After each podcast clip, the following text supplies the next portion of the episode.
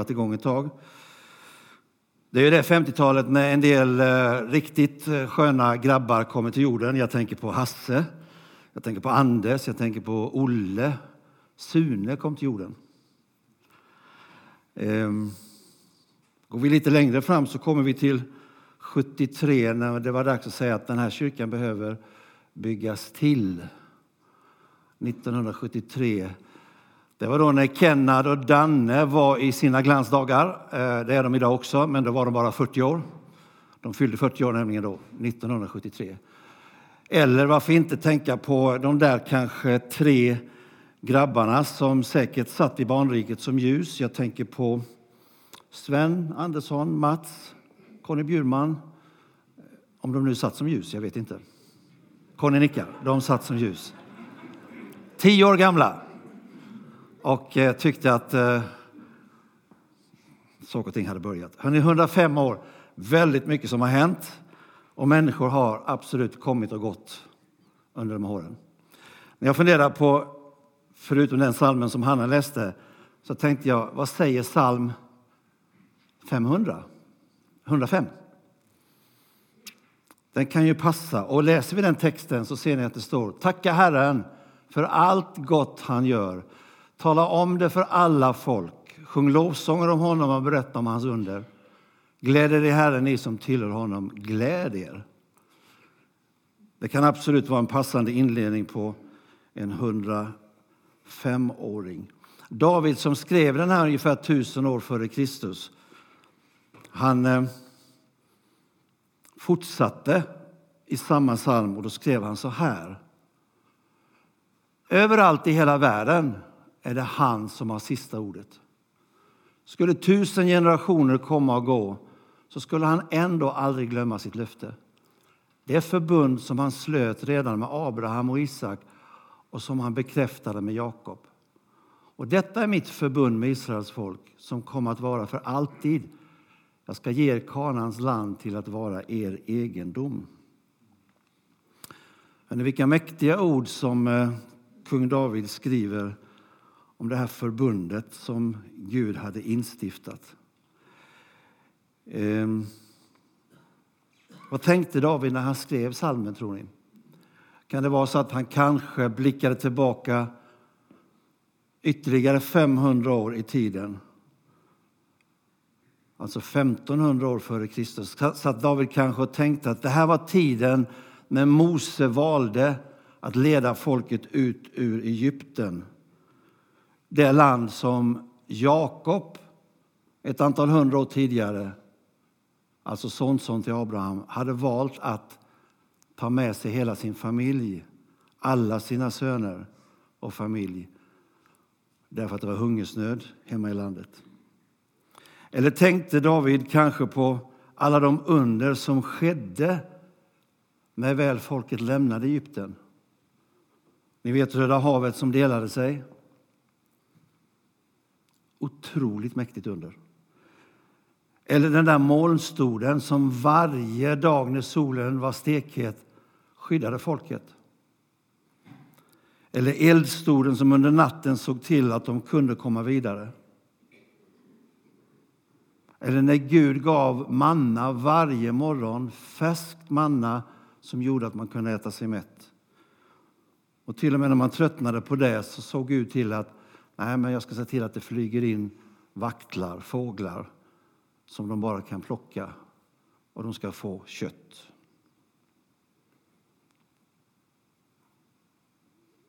Efter bara 40 dagar i öknen så var det ju dags, för Gud hade lovat nu kan ni inta det nya landet. Det hade bara gått 40 dagar. Kanaans land som Gud för 430 år sedan hade samtalat med Abraham och sagt det här är det landet som du ska gå till när du nu drar ut ifrån Haran.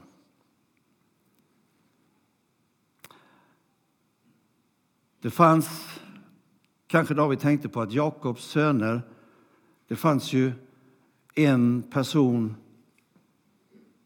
i varje stam som helt plötsligt fick ett alldeles speciellt budskap ifrån Moses som Mose hade fått ifrån Gud. Det är ingen som behöver räkna upp de här tolv sönerna till Jakob nu, för ni kan dem inte i alla fall. Men eh, det här var vad som hände enligt fjärde Mosebok 13. Där har ni de tolv sönerna till Jakob. Ni som är tillräckligt gamla, ni fick lära det här i skolan och ni skulle kunna rabbla dem utan till. Och en del av er kan säkert rabbla dem. Ruben, Simon, Juda, Isaskar och så vidare. Men Herren sa till Mose, sänd ut män för att bespeja Kanans land som jag ger åt Israels barn. En man för varje fädernestam ska ni sända, var och en av dem ska vara en ledare. På Herrens befallning sände Mose ut dem från öknen Paran. Alla var huvudmän bland Israels tolv stammar. Bland de här tolv stammarna så är det och tolv spejare som fick alltså ett uppdrag. Gå in och se det nya landet som ni ska inta.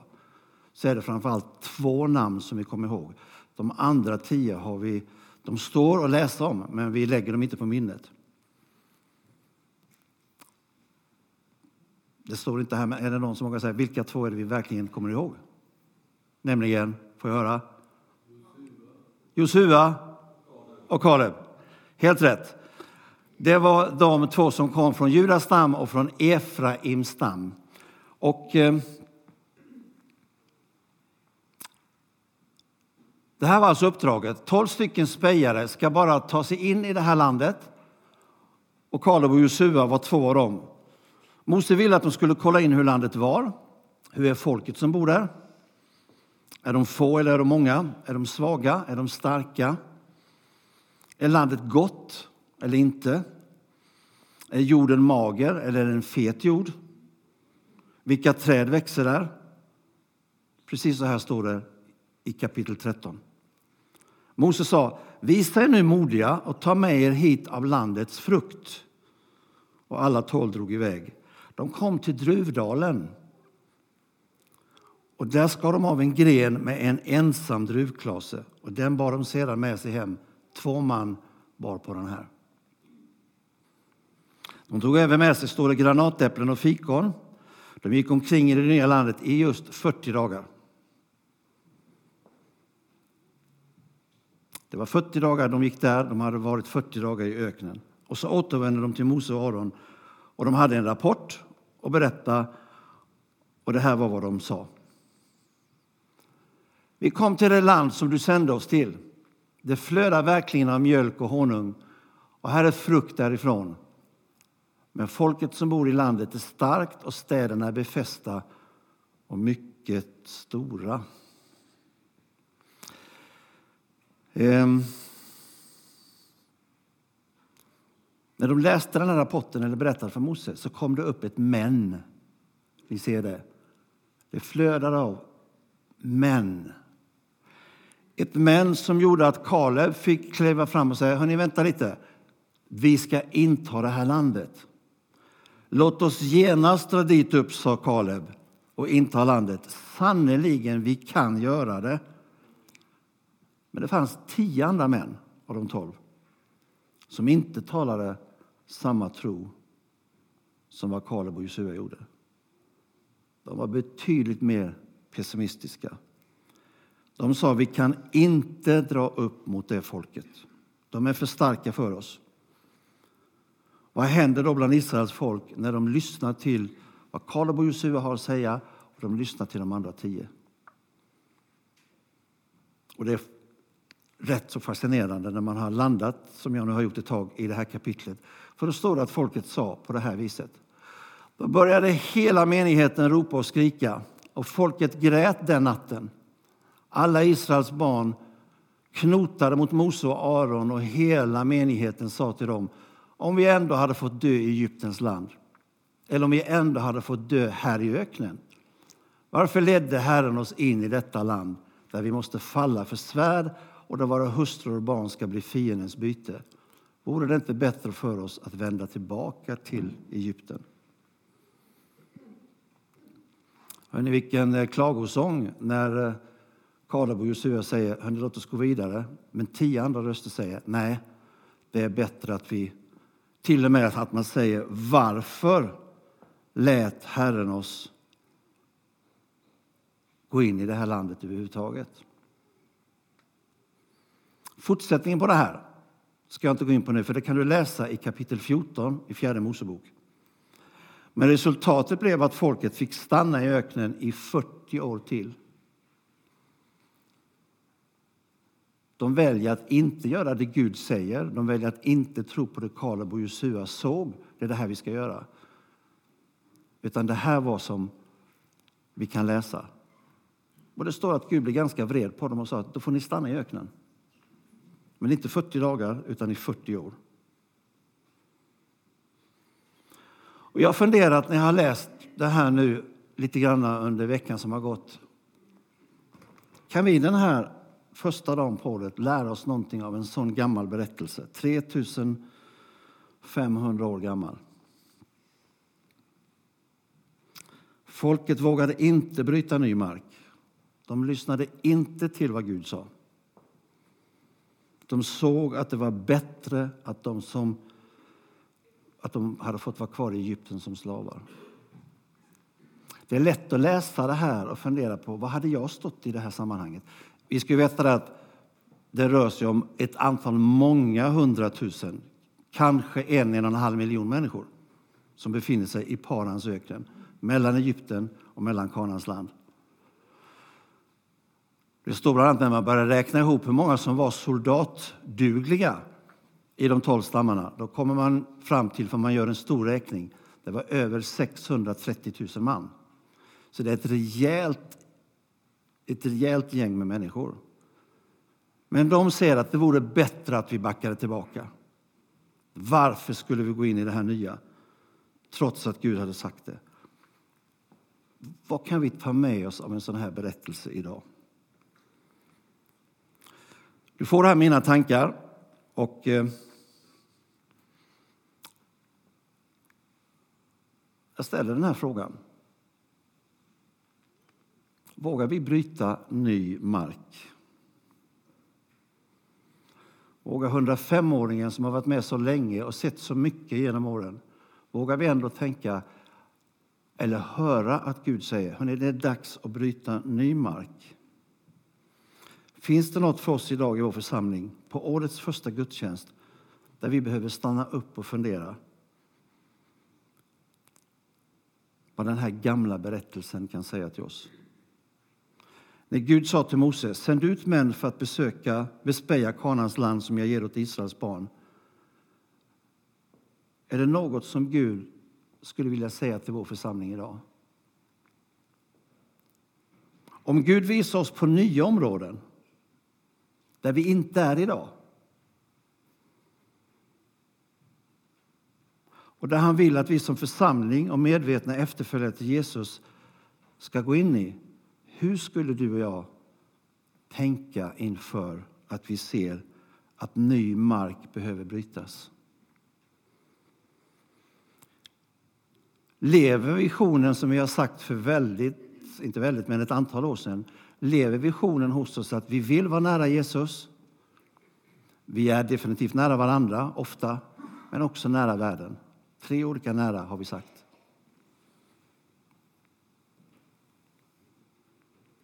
Lyssnar vi till Kaleb och Josua? Eller lyssnar vi till de tio spejarna? Och vad är det i så fall för ny mark som skulle behöva brytas som har med vår församling att göra?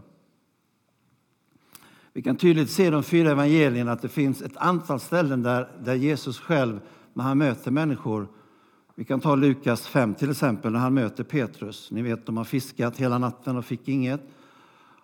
Och så säger bara Jesus till Petrus, Petrus följ mig, jag ska göra dig till människofiskare. Och då står det i Lukas 5 att då drog de upp sina båtar på land och följde Jesus. Eller om du tar i Matteus 9, då kan du läsa om tullindrivaren Matteus. Han satt där utanför tullhuset och Jesus bara gick fram och sa Följ med Matteus. Matteus. Och det står, då steg Matteus upp och följde honom direkt. Det är lätt att läsa de här berättelserna och säga att ja, men det var väl härligt. Och när jag speglar mig i de här berättelserna så här första gudstjänsten, då funderar jag på hur jag skulle ha hanterat och kanske hur du skulle ha hanterat Om du hade varit en Sackeus, Lukas 9, förlåt Lukas 19, som sitter där i trädet för du vill bara se när Jesus åtminstone går förbi. Och det står när Jesus kom till stället såg han upp och sa till honom Sackeus skynda dig ner ty idag måste jag komma och stanna i ditt hus. Men Sackeus satt kvar i trädet. Nej, det står inte det. Sackeus skyndade sig ner och ville följa med.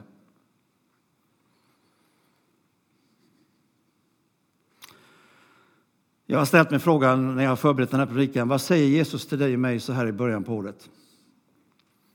När han säger följ mig. Vart är du på väg Jesus? Jag är på väg till Skattegården. Jag är på väg till Blittgården.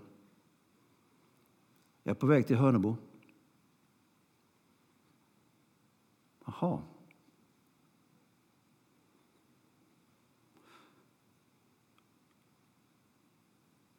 Kommer vi då dra upp våra båtar från land och säga absolut, vi vill följa dig om det är något nytt du har på gång? Om Gud säger gå ut och bryt ny mark, vad är då din och min respons?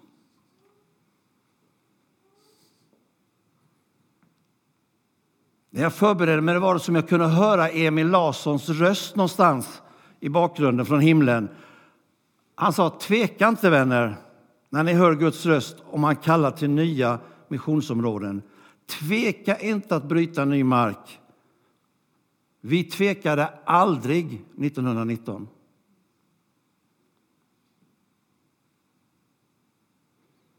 Att våga bryta ny mark. Att vara nära Jesus i enskild bön, att vara nära varandra i gemensam bön.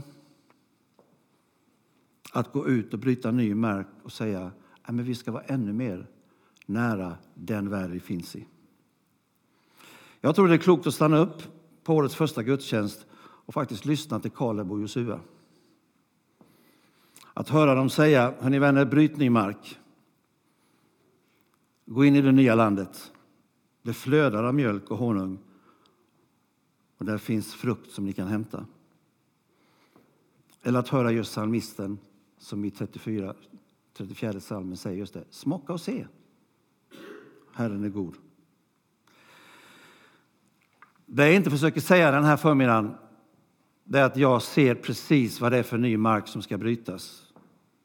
Inte alls. Tolka ingenting av det jag säger så. Men om Gud börjar prata till dig och mig i samtal och i bön att det finns ny mark att bryta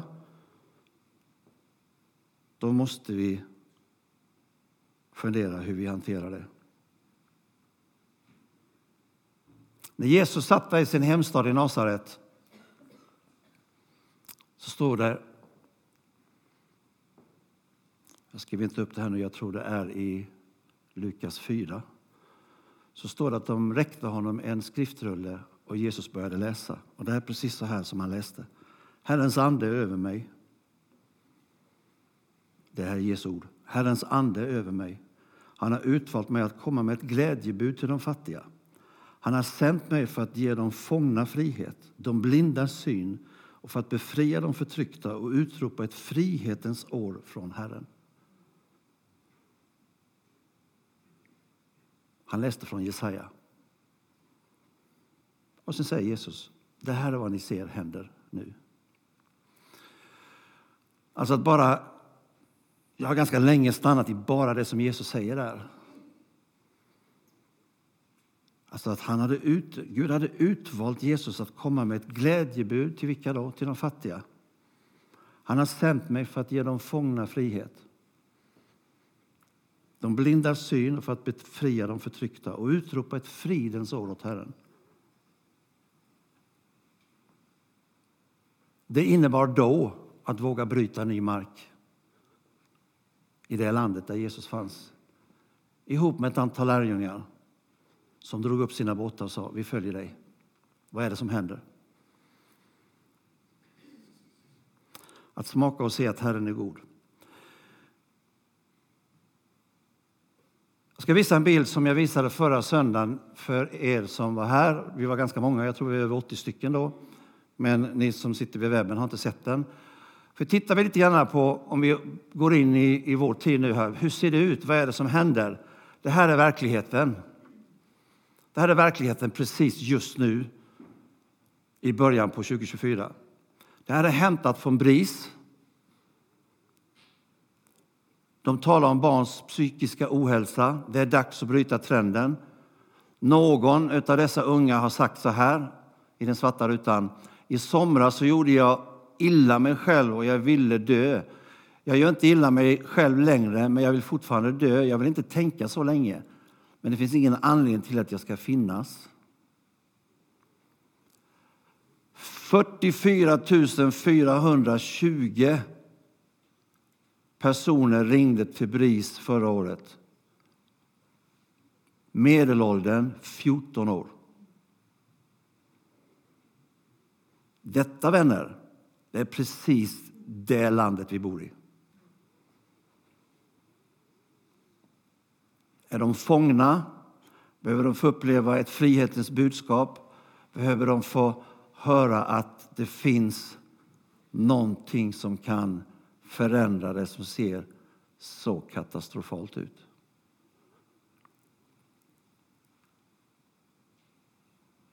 Det gör ont i hjärtat om man tänker på att merparten av de 44 samtalen de har inte fyllt 15 år när de ringer in till BRIS. Och då ska ni veta att ökningen var 32 procent jämfört med förra året.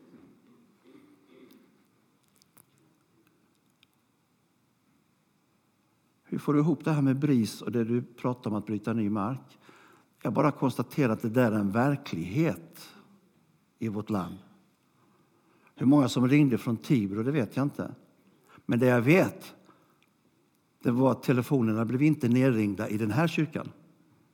Det vet jag. Jag fick inte samtal hem till Bråbacka varje dag på någon som kände sig nedstämd.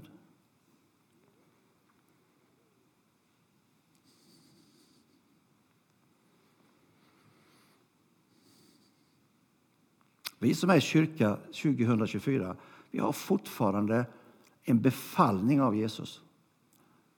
Det är gå ut och gör alla folk till lärjungar.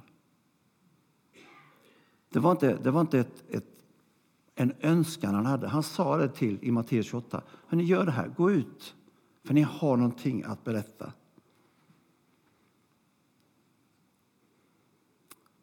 Finns det en röst hörni, från Kaleb och Josua som säger till oss idag, även om de levde för så länge sedan, hörni, våga bryta ny mark.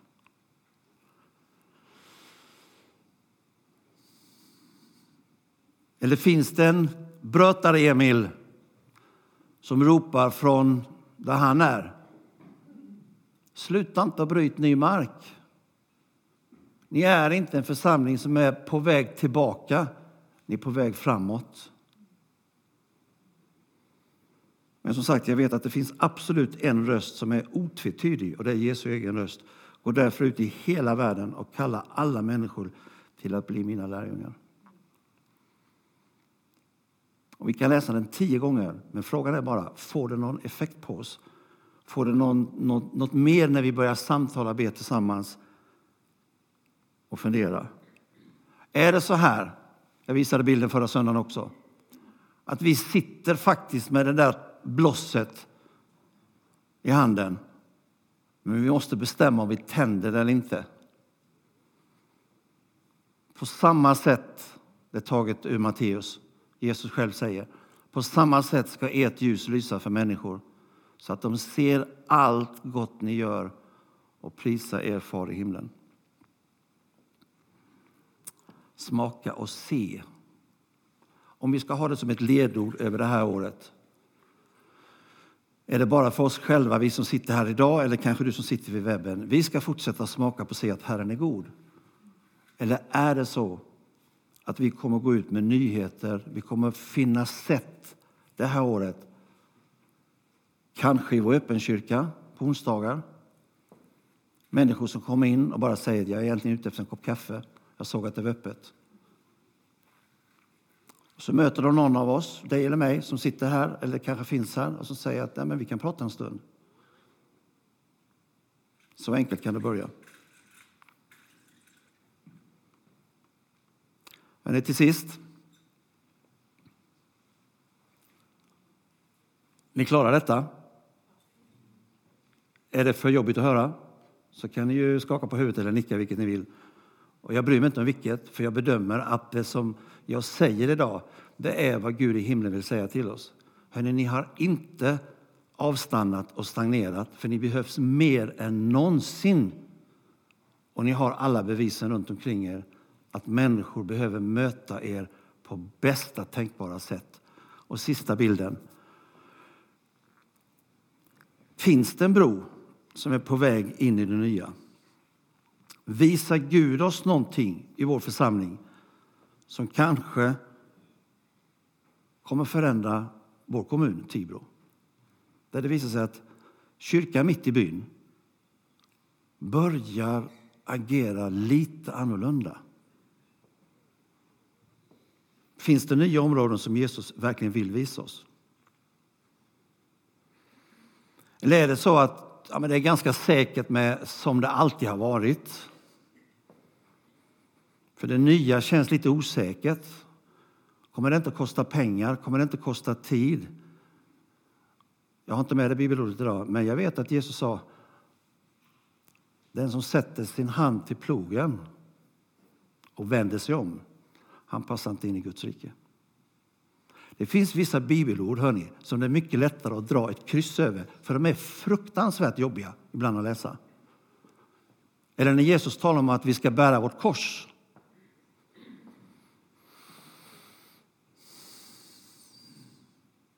Han har utvalt mig att komma med ett glädjebud till de fattiga. Han har sänt mig för att ge de fångna frihet, de blinda syn, befria de förtryckta och utropa ett frihetens år ifrån Herren. Jag vill sluta med en berättelse som också Jesus själv berättar. Nämligen från Lukas 5. Och I slutet där så kommer en liknelse och så här säger Jesus. Ingen skär bort en lapp från en ny mantel och sätter den på en gammal. Om någon gjorde det skulle den nya manteln förstöras och lappen från den nya manteln skulle inte passa in till den gamla. Och ingen häller nytt vin i gamla vinsäckar, skinnsäckar. Då skulle det nya vinet spränga säckarna och vinet skulle rinna ut och säckarna förstörs. Nej, nytt vin bör man hälla i nya säckar. Och sen säger han. Och ingen som har druckit gammalt vin vill ha nytt. För han säger, det gamla är bäst.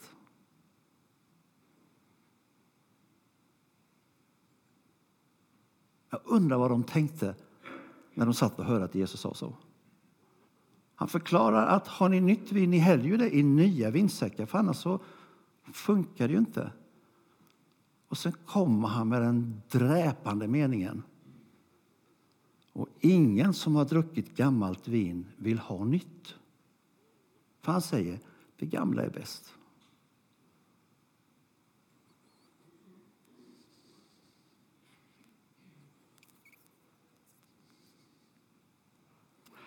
För mig har det i min förberedelse för den här söndagen blivit mycket av eftertanke. För jag tror det är väldigt lätt att säga, att det gamla vinet det smakar väldigt bra. Vi har druckit det många gånger. Ni är med på bilden? Det gamla vi gör, allt vi håller på med, det smakar väldigt bra. Är det detsamma som att säga att allt det vi gjorde inte var bra? Inte alls.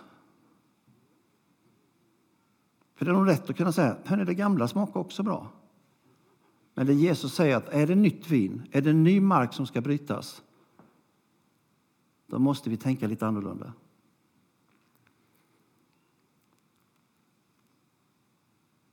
Vi samtalar en del om det här i församlingsledningen, det kan jag lova er. Alltså vad innebär det här? Och jag sa det i söndags och jag säger det idag igen. Den dopgraven ska inte ha kallt vatten som aldrig rörs om. För då kan vi mura igen den. Vi vill ju att det ska vara fler som säger jag har upptäckt de goda nyheterna. Jag har förstått att jag inte behöver annat än att tro på att Jesus gjorde det för mig.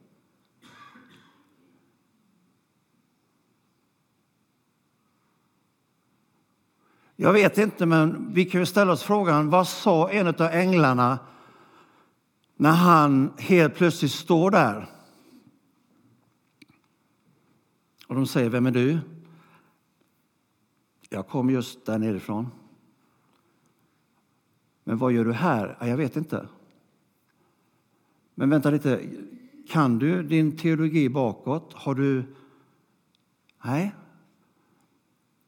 Jag bara hängde på ena sidan, men han som hängde i mitten sa att jag skulle vara här idag. För det var det han sa. Idag är du med mig i paradiset. Var det så enkelt? Ja, det står i någon översättning att Jesus till och med säger när han hänger på korset, jag försäkrar dig, säger han till rövaren.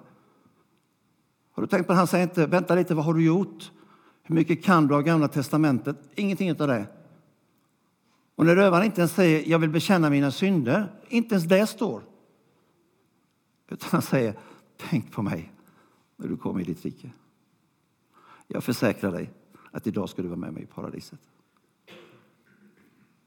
Är det så enkelt, det Jesus ville säga? Och som gör att det han sa då gör att tiotusentals människor jag tror inte jag överdriver om jag säger att det minst tiotusentals eller mer varje dag säger det här vill jag tro på. Om det här är ett liv som kan förvandla från den fångenskap jag sitter i så är det det här jag vill säga ja till. Det händer i Kina, det händer ute i Afrika, det händer i Sydamerika, det händer i Sverige.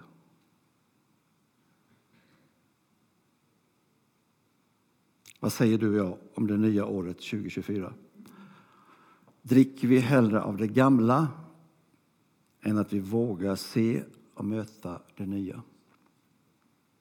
Må Gud hjälpa oss i samtal och i bön och att vi verkligen får se det som är Guds ritning för det här året.